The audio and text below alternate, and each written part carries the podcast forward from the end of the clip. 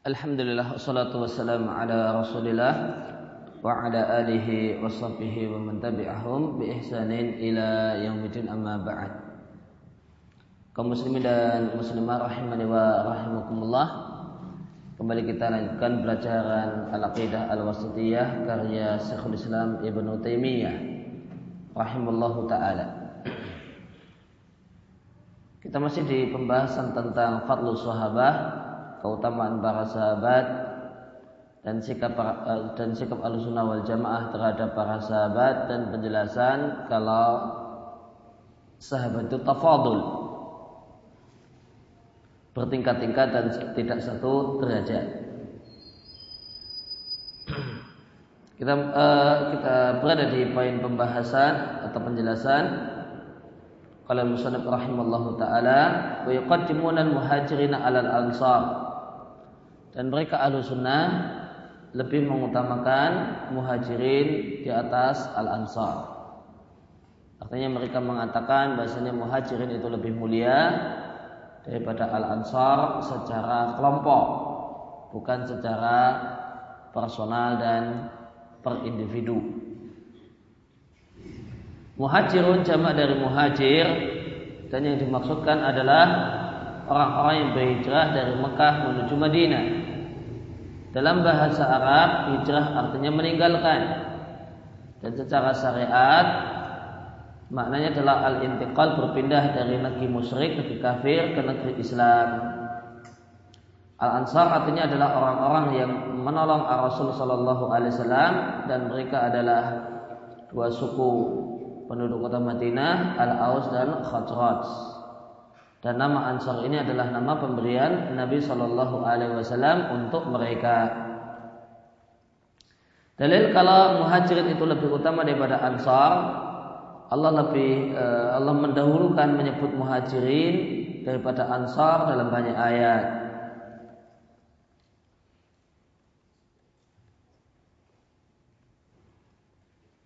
Misalnya di ayat uh, surat At-Taubah ayat yang ke-100, wasabiqun al-awwaluna minal muhajirina wal ansar. Disebut muhajirin dulu baru al-ansar.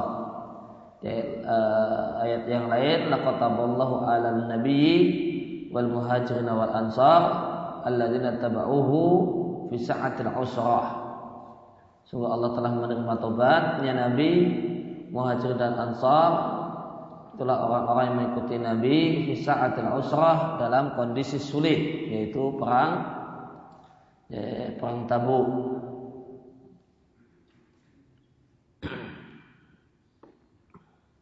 Maka pasukan perang Tabuk itu disebut dengan sebutan Jaisil Usra. Ya, pasukan sulit. Karena perang Tabuk adalah peperangan yang terjadi di musim panas saat di puncak musim panas. Dan dengan jarak yang harus ditempuh dengan jarak yang jauh. Sehingga dalam keadaan keadaan Nabi dan keuangan negara itu pas-pasan.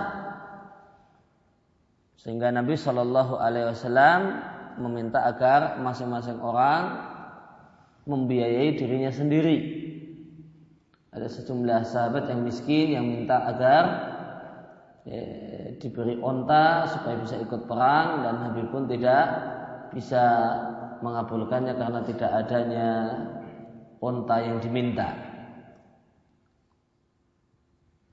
Demikian juga firman Allah Ta'ala di surat Al-Hasr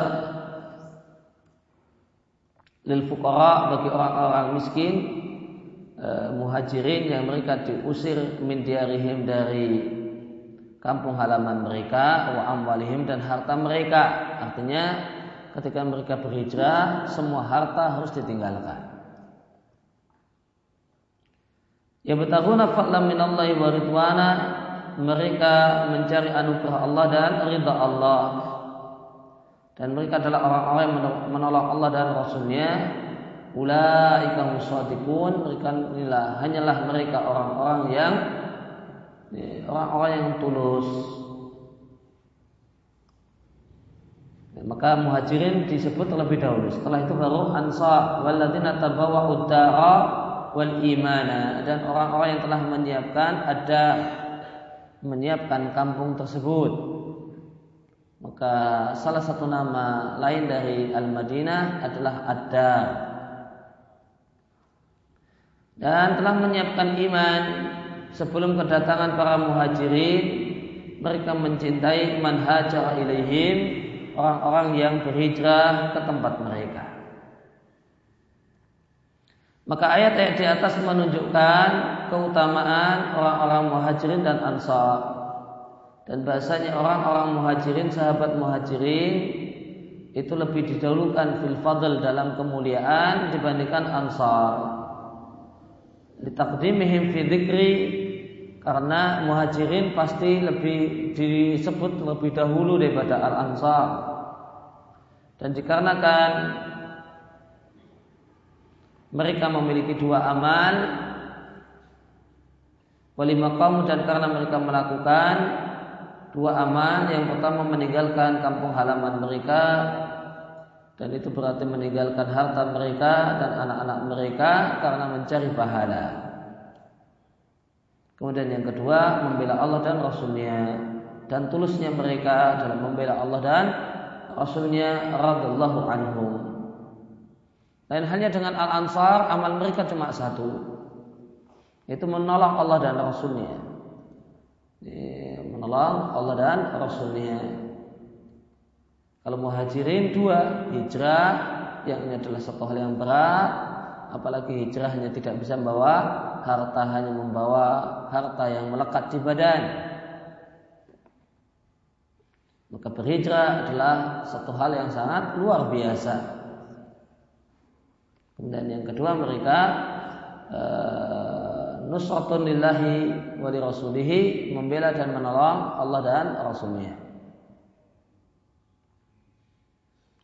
Kemudian selanjutnya di matan dikatakan dan al sunnah mengimani bahasanya Allah berfirman kepada veteran perang Badar yang jumlahnya adalah 310 sekian i'malu masyitum faqad ghafartu lakum.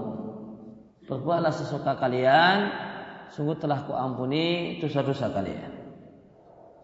Sebagaimana terdapat dalam Sahih dan Sahih Muslim dalam kisah Hatib ibn Abi Balta'ah Badar adalah Qaryatul Masyuratun adalah nama kampung yang terkenal. Ala nawi arba'i marahil minal Madinah. Yang jaraknya adalah empat marhalah dari Madinah. Dan satu marhalah adalah perjalanan sehari dengan onta. Terjadi di tempat tersebut al-waqa'ah satu peperangan yang dengannya Allah memuliakan Islam wa sumya yaum badrin yaumul furqan sehingga jadilah peperangan badar disebut yaumul furqan hari pembeda antara al-haq dan batil. Dan jumlah para sahabat yang ikut perang badar adalah 310 lebih sedikit. Hakada warada adadum demikian terdapat jumlah mereka berdasarkan riwayat yang ada dalam Sahih Bukhari.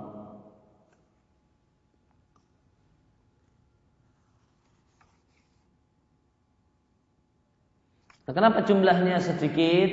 Karena Nabi tidak mewajibkan semua sahabat untuk berangkat. Karena rencananya cuma menghadang kafilah dagang. Tidak perlu semua harus ikut. Maka siapa yang longgar, ayo ikut, ayo berangkat. Maka tidak semua sahabat berangkat karena memang ketika itu tidak harus semua berangkat. Kenapa tidak harus? Karena tidak direncanakan mau perang. Tidak direncanakan mau menghadapi pasukan bersenjata lengkap rencananya cuma mau menghadapi rombongan Abu Sufyan yang merupakan rombongan kafilah dagang sehingga tidak, tidak perlu orang dalam jumlah banyak dan senjata yang lengkap. Berkaitan dengan hadis Qudsi i'malu masyitum faqad ghafartu lakum berbuatlah sekehendak kalian maka sungguh telah kuampuni dosa-dosa kalian maka Ibnu Qayyim di kitabnya Al-Fawaid mengatakan Ashkala ala kathir minan nas maknahu. Hadis ini membingungkan banyak orang maknanya. Maknanya membingungkan banyak orang. Summa dzakal aqwal fi kemudian Ibnu Qayyim menyebutkan sejumlah pendapat tentang makna hadis ini. Summa kemudian Ibnu Qayyim mengatakan falladzina dzunnu fi Ya, pendapat yang menurut sangkaan kuat kami adalah pendapat yang benar tentang makna hadis ini. Wallahu a'lam. An hadha khitabun. Hadis ini ditujukan kepada sekelompok orang yang Allah telah mengetahui bahasanya mereka tidak akan murtad, meninggalkan agama mereka, bahkan mereka adalah orang-orang yang mati di atas Islam. Dan bahasanya mereka karena mereka adalah manusia Qad yuqarifuna e, maka boleh jadi mereka melakukan apa yang dilakukan oleh manusia yang lain yaitu dosa. Namun Allah tidak akan membiarkan mereka musirin terus menerus dalam dosa. Dan Allah Subhanahu wa taala akan memberikan taufik kepada mereka untuk bertobat dengan tobat yang nasuh, dengan tobat yang benar. Maka Allah akan memberikan taufik kepada mereka untuk mohon ampun dan Allah berikan taufik kepada mereka untuk melakukan amal-amal kebajikan yang pahalanya besar sehingga bisa menghapus dampak dari dosa yang mereka lakukan. Wah, jika ada yang mengatakan loh kalau itu kan bukan hanya ahli badar yang seperti itu keadaannya Allah berikan taufik untuk bertaubat Wa yakunu taksisuhum bihada adapun pengistimewaan mereka, pengkhususan mereka dengan kalimat ini berbuatlah sesukamu maka sungguh telah aku ampuni. Tuna khairim tanpa yang lain li'annahu qad tahaqqaqa dzalika fihim. Karena hal tersebut taufik untuk bertobat dan seterusnya adalah satu hal yang tahaqqaqa pasti terjadi pada mereka. Dijamin terjadi Adapun orang yang lain, manusia yang lain tidak dijamin. Jadi ada yang mendapatkan taufik dan ada yang tidak.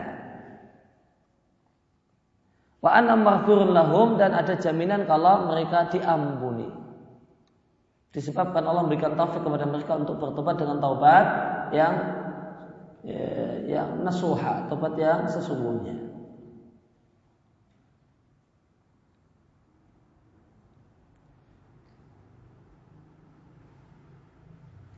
Walayam na'udzalika namun jaminan ini tidaklah menghalangi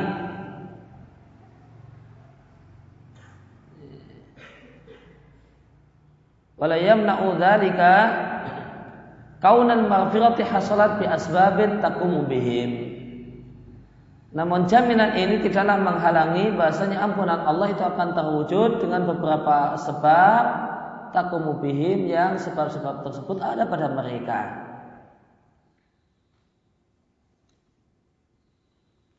Kama layak tadi sebagaimana jaminan ini tidaklah mengharuskan mereka meninggalkan amal-amal yang wajib karena sudah percaya, karena sudah thiqah dengan ampunan Allah. Falau kanat qad hasalat bidunil istimrar alal qiyam bil awamir maka seandainya hasalat taknya kembali kepada maghfirah maka seandainya maghfirah itu akan terwujud tanpa terus menerus melaksanakan kewajiban tentu mereka tidaklah memerlukan ba'da dzalika setelah ada hadis di atas mereka tidak perlu sholat, tidak perlu berhaji, zakat, jihad dan seterusnya.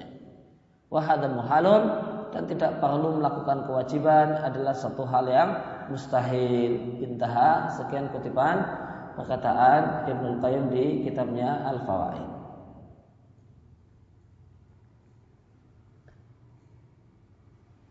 Ya, maka di kalimat yang terakhir yang tadi kita baca Ibnu Qayyim menyampaikan jaminan yang Allah berikan untuk ya, para sahabat yang ikut perang Badar itu bukan berarti menyuruh mereka untuk berbuat semaunya.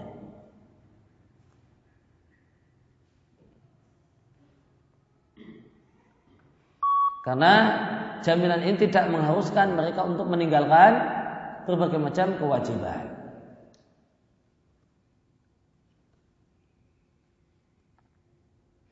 Namun makna dari hadis ini, makna dari hadis kudsi ini adalah tadi sebagaimana telah ditegaskan adalah pemastian.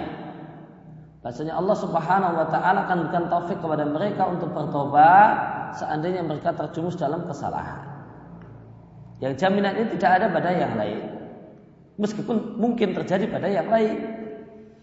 Manusia yang lain mungkin terjadi setelah bertobat, setelah bermaksiat, mendapatkan taufik untuk bertaubat. Namun tidak pasti. Cuma mungkin. Adapun mereka para sahabat ahlul badar, seandainya mereka berbuat salah, maka pasti mereka akan uh, mereka akan mendapatkan taufik dari Allah Subhanahu wa taala untuk bertaubat dan mohon ampun kepadanya. Kemudian selanjutnya kalau musannif rahimallahu taala dan sunnah berkeyakinan bahasanya tidak akan masuk neraka satupun sahabat yang berbaikat di bawah pohon sebagaimana dikabarkan Nabi Shallallahu Alaihi Wasallam bahkan Allah ridha kepada mereka dan mereka pun ridha kepada Allah dan jumlah sahabat yang mengikuti uh, bai'atul ridwan itu lebih dari 1400 sahabat. Hadal kalam kalimat ini berkenaan dengan ahli bai'atul ridwan. Orang-orang yang berbaiat di bawah pohon yang disebut dengan bayatul ridwan. Disebut bayatul ridwan karena Allah menegaskan ridhonya kepada mereka. Inilah bayat atau sumpah setia yang terjadi di Hudaybiyah saat orang-orang musyrik menghalangi Rasulullah Shallallahu Alaihi Wasallam untuk masuk ke, Me ke Mekah. Dan penulis telah menyebutkan tentang sahabat ahlu bayatul ridwan bahasanya mereka memiliki dua keistimewaan. Yang pertama, la yadkhula an-nara ahadun minhum. Tidak akan masuk neraka satupun dari mereka. Dalilnya adalah hadis yang ada dalam Sahih Muslim dari Jabir radhiyallahu anhu Nabi sallallahu alaihi wasallam bersabda, "La yadkhulun nara ahadun bay'a tahta syajarati." Tidak akan masuk neraka satupun orang itu sahabat yang berbaikat di bawah pohon. Kemudian yang kedua bahasanya Allah ridha kepada mereka dan ini adalah sahihul Quran dinyatakan oleh Al-Quran secara tegas. Oleh karena itu maka bayatnya disebut bayatu ridwan. Karena Allah berfirman, laqad radallahu 'anil mu'minin. Allah ridha terhadap orang-orang yang beriman, itubayyunaka tahta syajarah. Ketika mereka berbaikat kepadamu, bersumpah setia kepadamu di bawah pohon. Dan jumlah mereka adalah lebih dari 1400 orang. Dan ini adalah berdasarkan alas sahih pendapat yang kuat tentang jumlah mereka wallahu a'lam. Kemudian ahlu sunnah juga memastikan surga bagi siapa saja yang telah dipastikan masuk surga oleh Rasulullah Sallallahu Alaihi Wasallam semacam asrah mubasyarun bil jannah dan Thabit ibn Qais ibn Syamas dan para sahabat yang lain. Artinya ahlu sunnah yashadu memastikan masuk surga bagi siapa saja yang Rasul Sallallahu Alaihi Wasallam memastikannya. Adapun orang yang tidak dipastikan oleh Rasulullah Sallallahu Alaihi Wasallam masuk surga, maka ahlu sunnah pun tidak memastikannya. Kenapa tidak berani memastikannya? Karena adalah takawul. Eh, adalah berkata-kata secara dusta atas nama Allah. Sehingga untuk orang yang tidak dipast, tidak mendapatkan kepastian dari Nabi Shallallahu Alaihi Wasallam, maka ahlu sunnah berharap dengan harapan yang baik untuk orang yang memang gemar berbuat baik dan mengkhawatirkan kejelekan dan adab menimpa orang-orang yang gemar dengan kejelekan. Wahada aslun min usul akidah dan hal ini adalah di antara hal yang mendasar dalam masalah akidah. Kalau tidak dipastikan, kita cuma sekedar mudah-mudahan Allah mengampuninya, memasukkannya ke dalam surga, namun tidak memastikannya. Nah, di antara orang yang dipastikan masuk surga oleh Nabi Shallallahu Alaihi Wasallam adalah asrahul basyaruna bil jannah yang mereka adalah empat khulafa Rasyidin Abu Bakar, Umar, Utsman dan Ali ditambah Abdurrahman ibn Auf, Zubair ibn Al-Awam, Sa'ad ibn Abi Waqqas, Sa'id ibn Zaid, Abu Ubaidah Amir ibn Jarrah, Talha ibn Ubaidillah radhiyallahu anhu. Waqat saat al-hadis terdapat banyak hadis yang sahih yang memastikan bahasa mereka-mereka adalah penghuni surga. Demikian juga seorang sahabat bernama Thabit ibn Qais ibn Syammas. Yang sahabat ini mendapat sebutan khatibu Rasulullah sallallahu alaihi wasallam. Oratornya Rasulullah sallallahu alaihi wasallam. Demikian juga mendapatkan sebutan dengan sebutan khatibul ansar. Oratornya uh, sahabat uh, sahabat ansar. Tentu di masa Nabi itu tidak ada pengeras suara, tidak ada mikrofon. Kalau mau bicara di depan khayalah banyak orang, khayalah ramai, orang dikumpulkan, maka diperlukan orang yang suaranya menggelegar. Suaranya lantang dan keras, meskipun tidak pakai mic, karena tidak ada mic. Dan itu tentu tidak sembarangan orang bisa demikian ya, punya uh, kemampuan untuk uh, untuk berbicara dengan baik dengan suara yang keras dan tahan lama.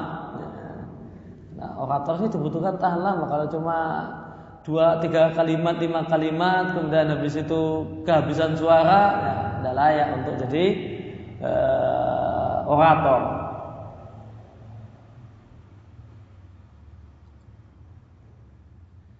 Dan kabar gembira dari Nabi tentang surga untuk Thabit ibn Qais terdapat dalam Sahih Bukhari dari Nabi Shallallahu Alaihi Wasallam.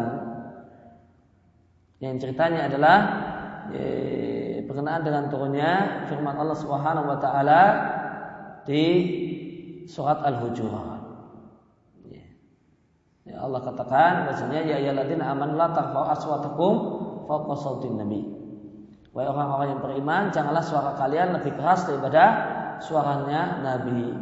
Dan karena dia khatib, yang dia orator, suaranya keras, eh, maka sahabat sahabat Ibn Qais ini merasa dirinya tidak memenuhi kriteria dalam ayat di atas.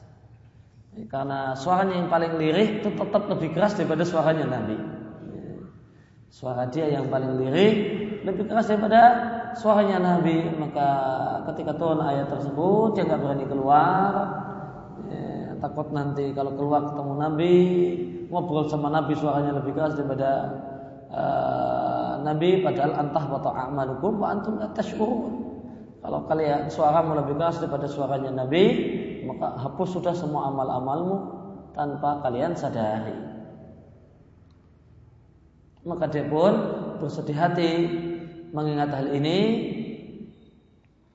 yang tidak berani keluar rumah selama beberapa hari karenanya sampai Nabi mencarinya dan memerintahkan orang untuk e, mengeceknya ke mana Thabit kenapa tidak kelihatan. Lalu Nabi Shallallahu Alaihi Wasallam maka Thabit mengatakan sungguh saya adalah penghuni neraka. Hapus sudah semua amalku karena suaraku lebih keras daripada suaranya Nabi. E, makanya saya tidak berani keluar ya, dan Sabit ini hanya menangis di rumahnya. Lalu disampaikan kepada Nabi Shallallahu Alaihi Wasallam dan Nabi katakan balhuwa min ahli jannah. Ya, bahkan dia adalah penghuni surga.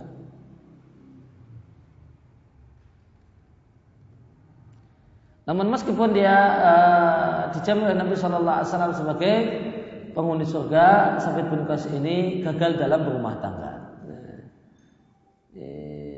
Karena khuluk pertama dalam Islam terjadi berkaitan dengan rumah tangganya Thabit bin Qais ibn ibn Syamas.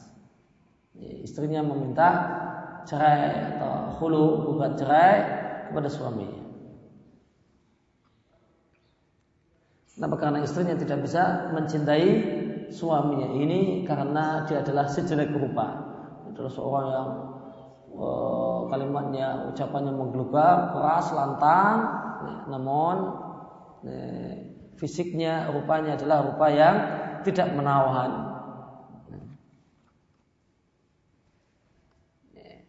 Di satu riwayat disampaikan istri ini mengatakan tentang suaminya dia adalah lelaki yang paling hitam di antara yang lain, paling pendek daripada yang lain, eh, paling keriting daripada yang lain. Maka dia pohon, kemudian istri Thabit bin Qas ini datang kepada Nabi Shallallahu Alaihi Wasallam dan mengatakan bahasanya ini akhaful kufra fil Islam. Ya Rasulullah, aku khawatir kufur dalam Islam. Tidak bisa menunaikan hak-hak suamiku. Saya telah berusaha untuk mencintainya, namun saya tidak bisa mencintainya.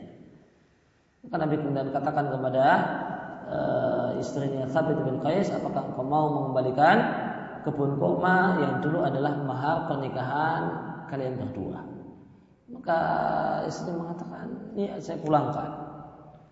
Maka Nabi memerintahkan Khabib untuk menerima kebun tersebut dan menceraikan istrinya. Dan, eh, dan para sahabat yang lainnya selain yang telah disebutkan, yaitu sahabat yang Nabi kabarkan kalau mereka ada di surga, semacam Ukasa ibn Mihsan, Abdullah ibn Salam, seorang sahabat Nabi yang berdarah Yahudi dan mantan pendeta Yahudi dan lainnya. Dan Ahlussunnah yukiruna mengikrarkan nukilan dan riwayat yang mutawatir dari Amirul Mukminin Ali bin Abi Thalib radhiallahu anhu dan yang lain. Artinya yukiruna maknanya ya'tarifu. Al-Sunnah wal Jamaah mengakui dan meyakini riwayat yang mutawatir. Artinya masabata bi tariq tawatur. Berita yang valid berdasarkan uh, riwayat yang mutawatir. Dan mutawatir adalah akwal asani adalah sanad yang paling kuat. Dari Amirul Mukminin Ali bin Abi Thalib radhiallahu anhu dan yang lain uh, dan para sahabat yang lain yang mengatakan bahasa sebaik-baik umat ini setelah nabinya adalah Abu Bakar, kemudian Umar, kemudian mereka sebut yang ketiga adalah Utsman. Artinya mereka menjadikan asalis fitartib urutan nomor tiga adalah Utsman. Wa yurabbi'una bi Ali dan mereka jadikan Ali sebagai orang yang bernomor dengan nomor empat. Radallahu anhu.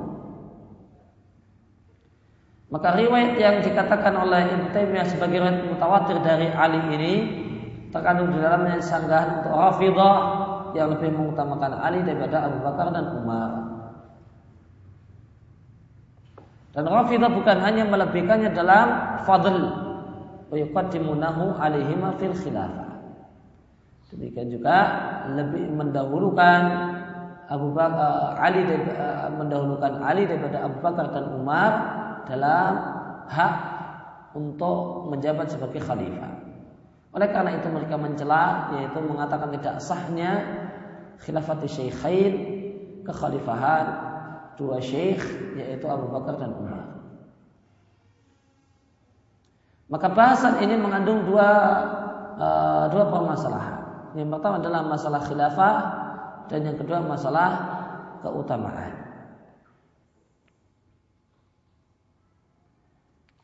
Adapun masalah khilafah maka terdapat ijma ahlu sunnah wal jamaah termasuk di dalamnya para sahabat radhiallahu anhum bahasanya khalifah sah setelah Rasulullah wasallam adalah Abu Bakar kemudian Umar kemudian Utsman kemudian Ali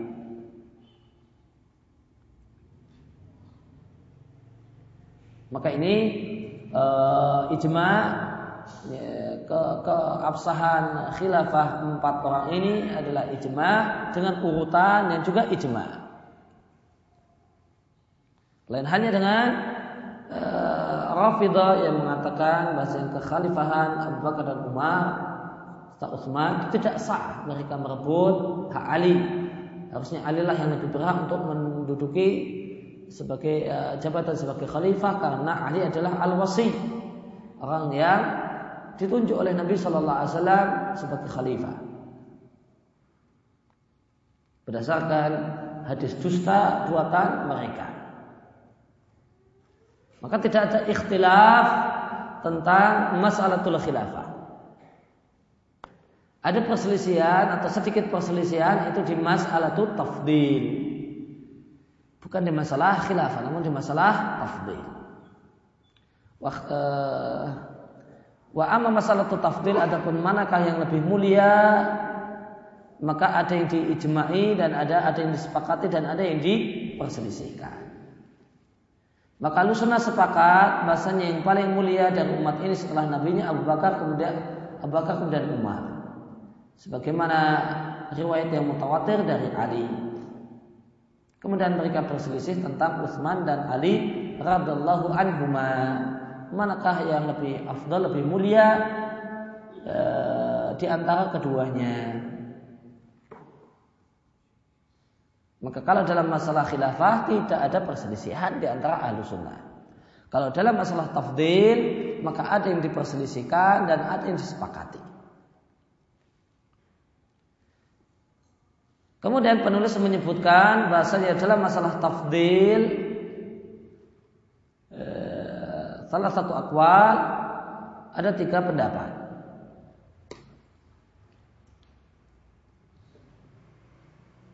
Dengan beliau mengatakan faqaddama qaumun Utsmana wa saqatu wa rabba'u bi aliyin. Wa qaddama qaumun aliyan wa qaumun tawaqqafu. Dari perkataan beliau ini eh, hasil kesimpulan dari perselisihan dalam masalah ini ada tiga pendapat. Pendapat yang pertama adalah takdim Utsman. Lebih mengutamakan Utsman. Utsman lebih mulia daripada Ali. Pendapat, pendapat yang kedua takdimu Ali mengatakan Ali lebih mulia daripada Utsman. Kemudian pendapat yang ketiga tawakuf abstain. No comment, tidak komentar manakah yang lebih utama antara salah satu dari keduanya. Kemudian penulis mengisyaratkan kalau beliau merajihkan pendapat yang pertama yaitu lebih mendahulukan Utsman daripada Ali umurin dan tarjih untuk pendapat pertama ini adalah karena beberapa hal. Yang pertama, inilah pendapat yang didukung oleh al-athar sejumlah riwayat al-waridah yang ada berkenaan dengan manakib keistimewaan kemuliaan Utsman radhiyallahu anhu. Kemudian yang kedua, sepakat para sahabat yang mendahulukan Utsman fil bai'at dalam bai'at sebagai khalifah dan itu tidaklah terjadi kecuali karena para sahabat meyakini Utsman adalah lebih mulia. Sehingga urutan empat orang ini dalam kemuliaan sebagaimana urutan mereka dalam eh, dalam eh, jabatan mereka sebagai khalifah. Kemudian yang ketiga, alasan yang ketiga, anak istakara amru ahli sunnah ala takdim Utsman summa Ali kama kama sabaqa annahum qaddamuhu fil bai'ah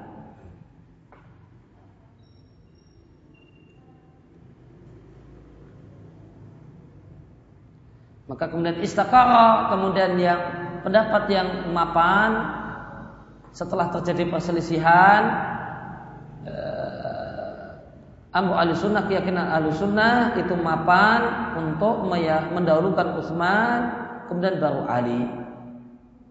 Sebagaimana ahlu sunnah Qaddamu lebih mengutamakan Utsman daripada Ali dalam masalah bayat sebagai khalifah.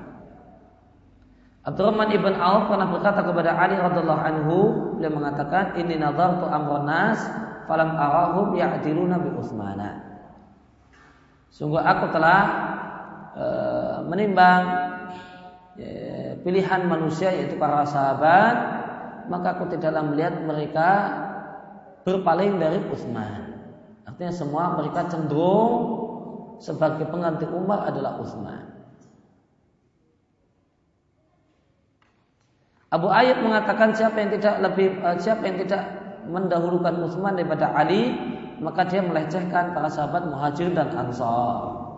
Yang mereka sepakat untuk mendahulukan Utsman daripada Ali sebagai khalifah.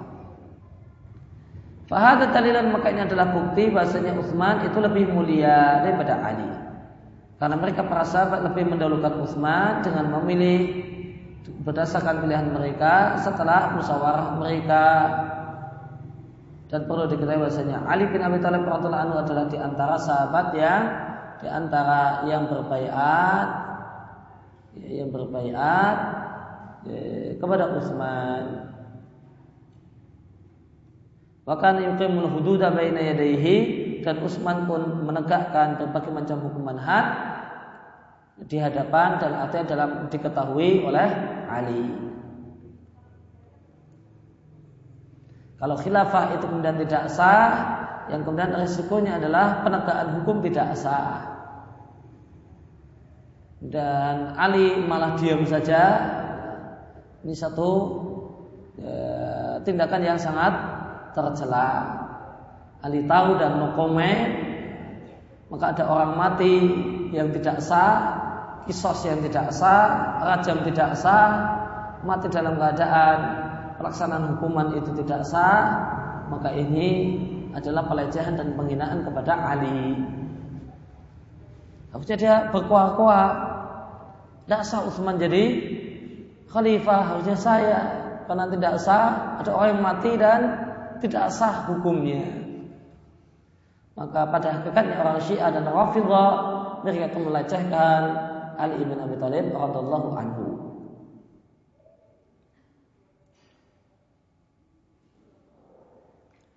Kemudian kembali ke matan hukmu takdimi Ali radhiyallahu anhu ala ghairihi min al khulafail arba'ati fil khilafah. Hukum mendahulukan Ali radhiyallahu anhu daripada empat khulafa rasyidin yang lain dalam masalah khilafah. Yang ini adalah masalah yang tidak diperselisihkan oleh ahlu sunnah. Karena ada perselisihan itu dalam masalah tafdil dan tidak dalam masalah khilafah.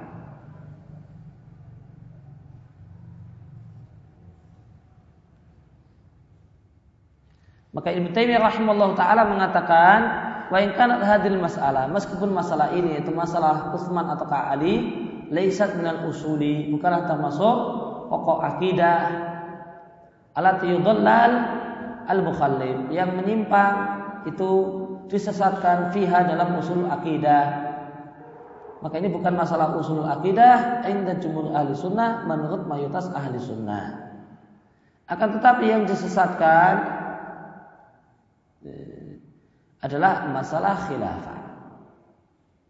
Wadhalika dan hal tersebut dianam karena ahlu sunnah mengimani bahasanya khalifah yang sah setelah Rasulullah Sallallahu Alaihi Wasallam adalah urut sebagaimana realitanya Abu Bakar kemudian Umar kemudian Utsman kemudian Ali. Maka siapa yang mencela, mempertanyakan dan mengatakan tidak sahnya khilafah salah satu dari eh, keempatnya fawa adallu min himari ahlihi maka dia lebih sesat daripada keledai yang ada di rumahnya.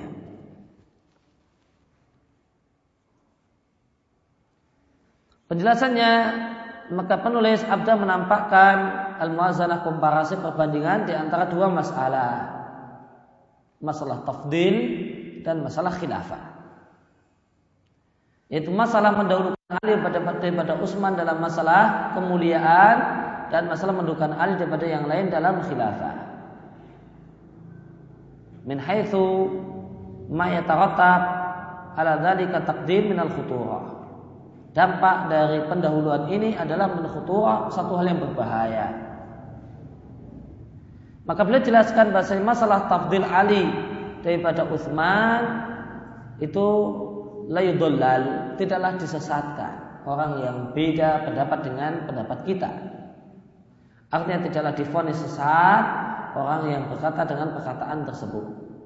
Nazaran menimbang adanya perselisihan dalam masalah tersebut di antara ahli sunnah. Meskipun pendapat yang lebih kuat kita kita dahulukan Utsman daripada Ali radhiallahu anhu. Namun masalah yang jadi sumber penyesatan adalah masalah khilafah. Maka difonislah sesatnya orang yang punya pendapat yang menyimpang dalam masalah ini. Penyimpangannya dengan berpandangan lebih mendahulukan Ali dalam jabatan khilafah daripada Utsman atau khulafah Rasyidin yang lain sebelum Ali. Demikian juga masalah yang disesatkan adalah siapa yang mendahulukan Ali daripada Abu Bakar dan Umar dalam keistimewaan, dalam kemuliaan. Karena yang diperselisihkan adalah antara Ali dengan Utsman saja. Dan kemudian masuk dalam uh, Ali, pembahasan Ali dengan Abu Bakar dan. Maka Ahlussunnah wal Jamaah mengimani bahasanya khalifah setelah Rasulullah sallallahu alaihi wasallam adalah Abu Bakar As-Siddiq radhiyallahu anhu yang beliau ini menjabat sebagai khalifah karena beliau adalah manusia yang paling istimewa. Kemudian karena beliau adalah manusia yang terdahulu masuk Islam dan karena Nabi Shallallahu Alaihi Wasallam lebih mengutamakan ya, mengutamakan Abu Bakar dibanding para sahabat yang lain sebagai dalam imam sholat dan dalam sejumlah masalah dan sepakat para sahabat untuk membaiat Abu Bakar.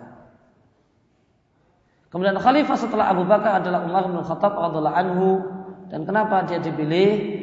Lifadlihi karena dia adalah manusia yang paling istimewa setelah wafatnya Abu Bakar dan karena dia terdahulu dalam Islam dan karena Abu Bakar berwasiat agar Umar itu sebagai khalifah. Demikian juga umat Islam yaitu para sahabat sepakat eh, alaihi untuk menerima Umar bin Khattab sebagai penguasa setelah Abu Bakar. Dan khalifah setelah Umar adalah Utsman ibnu Affan radhiallahu anhu. Kenapa? Karena ahli surah itu mendahulukan Utsman dan umat dan para sahabat pun sepakat dengan hal ini. Ketika umat itu menyadari kalau beliau tidak meninggal dunia, maka beliau mengangkat enam orang yang merupakan orang enam orang yang masih tersisa dari asrah mubasyaruna bil jannah. Umar mengangkat enam orang ini diangkat sebagai tim formatur dan beliau katakan yang jadi khalifah setelahku adalah salah satu dari kalian berenam. Salah satu dari kalian berenam. Maka ini adalah penggabungan antara pengangkatan model pengangkatan Abu Bakar dan pengangkatan Umar. Kalau Umar diangkat berdasarkan penunjukan oleh Abu Bakar. Kalau Abu Bakar diangkat dalam pemilihan. Maka Umar ingin menggabung dua-duanya. Pemilihan sekaligus pengangkatan. Pemilihan sekaligus pengangkatan. Gimana? Ini pemilihan sekaligus pengangkatan. Maka diangkatlah enam orang Kemudian enam orang ini diminta untuk memilih. Maka jadilah pemilihan sekaligus pengangkatan.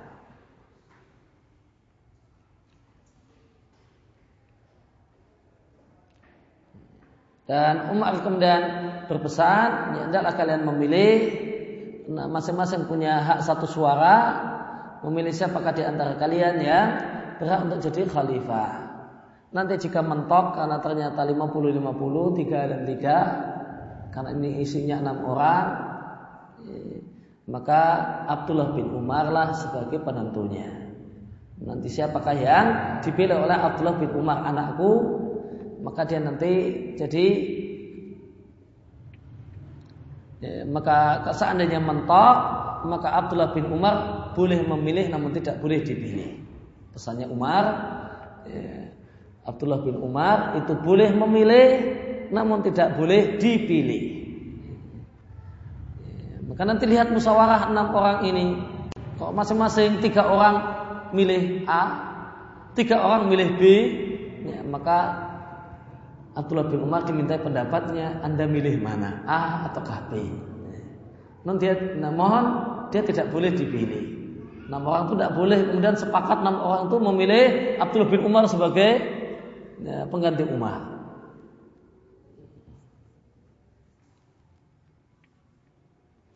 Ya, maka Umar sudah wanti-wanti dari awal tidak menginginkan bahasanya anak anaknya yang jadi penggantinya. Oleh karena itu Abdullah bin Umar dimasukkan sebagai penentu dan beliau katakan dia boleh memilih namun tidak boleh dipilih. Maka yang dimaksud dengan ahlu adalah enam orang sahabat ini. Ya, enam orang yang masih tersisa dari asrah mubasyaruna bil jannah. Ya, di sana ada Uthman dan ada Ali, ada Abdurrahman ibn Auf, dan ada Said ibn Zaid, ada Tulhah dan ada Az-Zubair.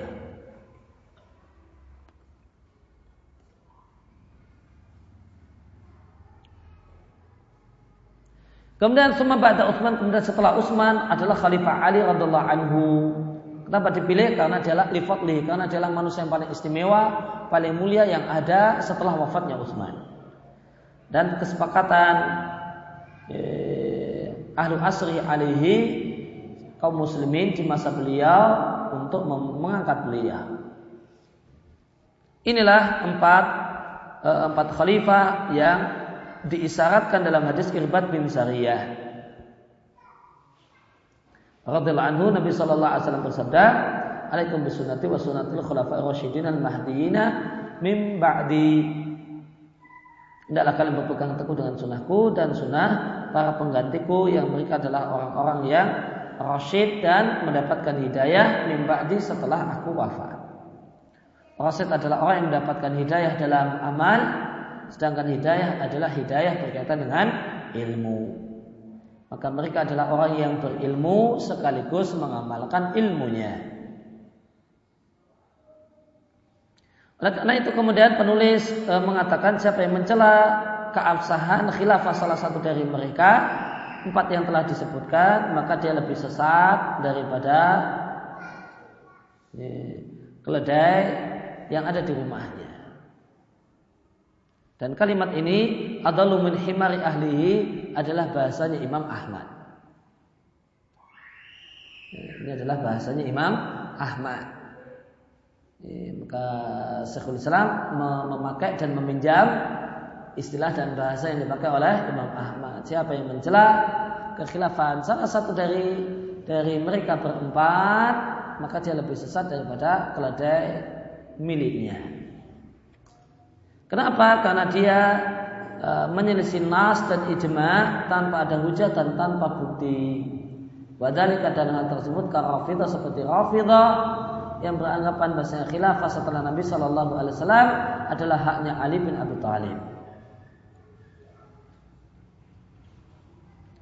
Alhasil dan kesimpulan dalam masalah mendahulukan Ali radhiallahu anhu daripada yang lain min nal khulafa'i thalatha dari para khalifah yang lain ini jumlahnya tiga disimpulkan yang pertama siapa yang mendahulukan Ali dalam masalah khilafah baik atas Utsman apalagi atas Abu Bakar dan Umar fawadhalun bil maka dia adalah sesat dengan sepakat ahlu sunnah kemudian yang ketiga siapa yang mendahulukan Ali dalam masalah keistimewaan dan kemuliaan Ali lebih istim, dianggap lebih mulia daripada Abu Bakar dan Umar, maka ini juga orang yang sesat. Kemudian yang ketiga, waman qaddamahu dan siapa yang lebih mendahulukan Ali daripada Utsman dalam fadilah, dalam kemuliaan. Fala yudallal maka tidaklah difonis sesat. Wa in kana khilafu rajih meskipun pendapat yang diambil oleh orang tersebut menyelisih pendapat yang lebih kuat dalam masalah ini.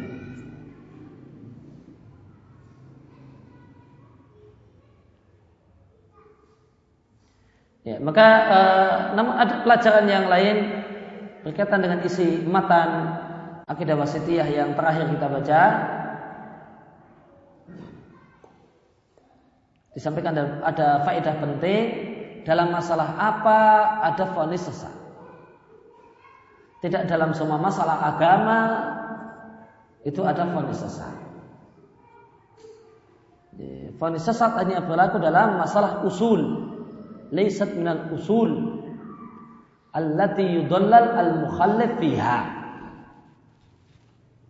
Maka fonis sesat itu hanya muncul untuk orang yang menyimpang dalam masalah usul akidah sunnah.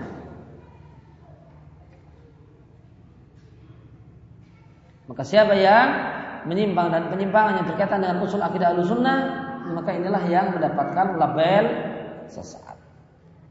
Ataupun perkara yang bukan usul akidah sunnah, maka apalagi itu masalah istihadiyah, apalagi itu masalah jumaiyah, Eh, itu masalah yayasan, eh, yayasan sosial atau yayasan bukan bukan sosial. Maka itu bukan usul i'tiqad ahli sunnah. Maka di sana bukan bab tadlil, bukan bab sesat dan tidak sesat. Karena masalah fonis sesat hanya berlaku dalam usul iktiqad ahli sunnah. Nah, karena itu di sini pentingnya belajar uh, usul iktiqad, usul ahli sunnah. Mana saja yang menjadi usul ahli sunnah dan dan, uh, dan kesimpulannya usul ahli sunnah adalah hal-hal yang menjadi ijma di antara para ulama ahli sunnah.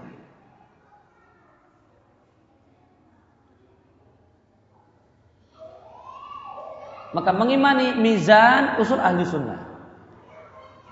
Usul ahli sunnah. Namun apa yang ditimbang di mizan nah, bukan usul ahli sunnah. Siapa yang mengambil pendapat yang beda dengan apa yang kita pilih, tidak ada di sana ruang sesat menyesatkan. Dan siapa yang mengatakan tidak ada mizan pada hari kiamat, yang dimaksud dengan mizan adalah keadilan sebagaimana perkataan Mu'tazilah, maka ini adalah kesesatan. Siapa yang mengambil pendapat tersebut dan meyakininya, maka dia adalah orang yang dal. Maka dia adalah orang yang sesat. Melihat uh, orang uh, orang beriman akan melihat Allah di surga, ini usul ahli sunnah. Nah, apakah orang yang beriman ataukah kemudian Allah itu terlihat di mahsyar?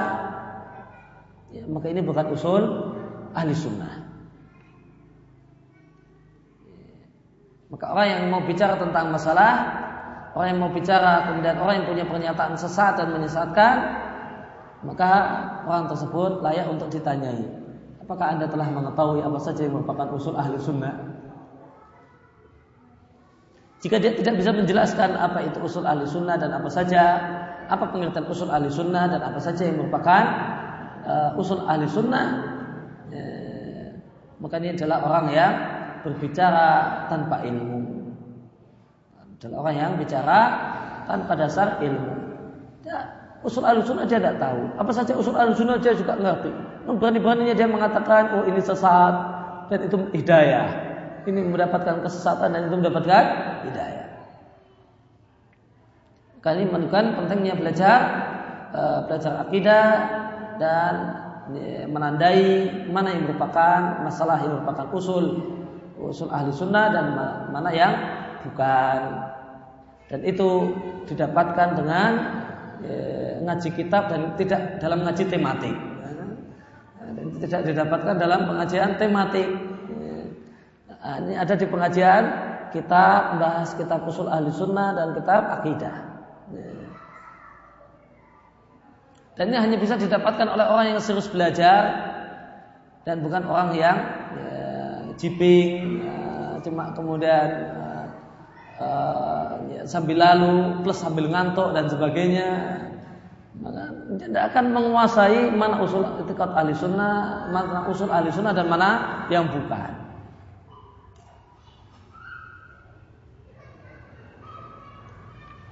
Ya, demikian yang kita bahas yang kita baca dalam kesempatan pagi hari ini. Allah ma'alim nama yang fa'una wa fa'na bima tanah. وزدنا علما وصلى الله على نبينا محمد وعلى اله وصحبه وسلم واخر دعوانا ان الحمد لله رب العالمين سبحانك اللهم وبحمدك اشهد ان لا اله الا انت استغفرك واتوب اليك